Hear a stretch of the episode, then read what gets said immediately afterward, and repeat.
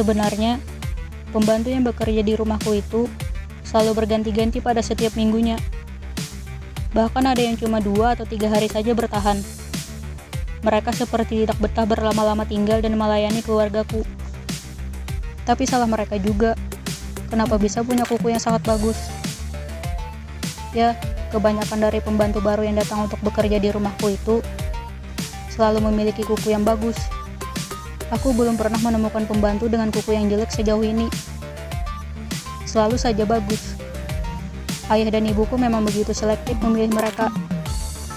Asal tahu saja, semakin sering pembantu di rumahku berhenti dengan cepat, anehnya akan selalu banyak orang baru yang datang melamar. Tak pernah ada habisnya. Aku tak tahu dan tidak tertarik untuk tahu soal itu. Karena yang terpenting bagiku adalah berkat seleksi yang dilakukan oleh ayah dan ibuku, aku jadi mendapatkan hobi baru yang tak kalah mengasihkan. Jadi, di kamarku lah letak semua ketidaktahanan itu berasal. Seorang pembantu baru masuk ke kamarku. Waktu itu aku masih di dalam dan sedang membaca buku. Ia datang dengan sopan dan memperkenalkan diri. Aku hanya mengangguk dan menggumam sambil terus membaca. Begitu ia hendak memungut satu buku yang tergeletak di lantai, aku melihat bukunya yang cantik. Aku tersenyum dan terkekeh sampai membuatnya kebingungan. Bukumu bagus sekali, Aku jadi ingin memilikinya, kataku padanya waktu itu. Dan tentunya ia yang mendengar ucapanku itu mulai kebingungan. Aku lalu mengunci pintu dan jendela melalui remote kecil yang kugenggam. Kuperhatikan reaksi tubuhnya yang kebingungan sekaligus ketakutan.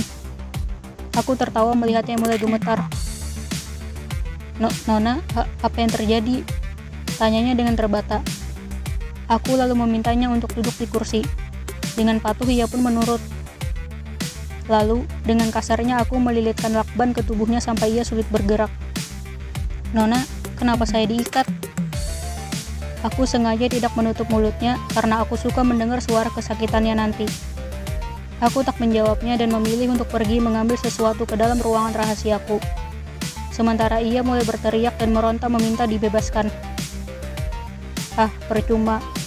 Orang yang sudah masuk ke dalam kamarku ini tidak akan pernah bisa bebas kecuali kalau sudah tak bernyawa lagi. Tak lama berselang, aku pun kembali menghampirinya dengan mengacungkan semacam alat pencongkel dan juga tang. Ia melihatku dengan raut semakin ketakutan. Air matanya mulai mengalir. Aku semakin menikmati suasana ini.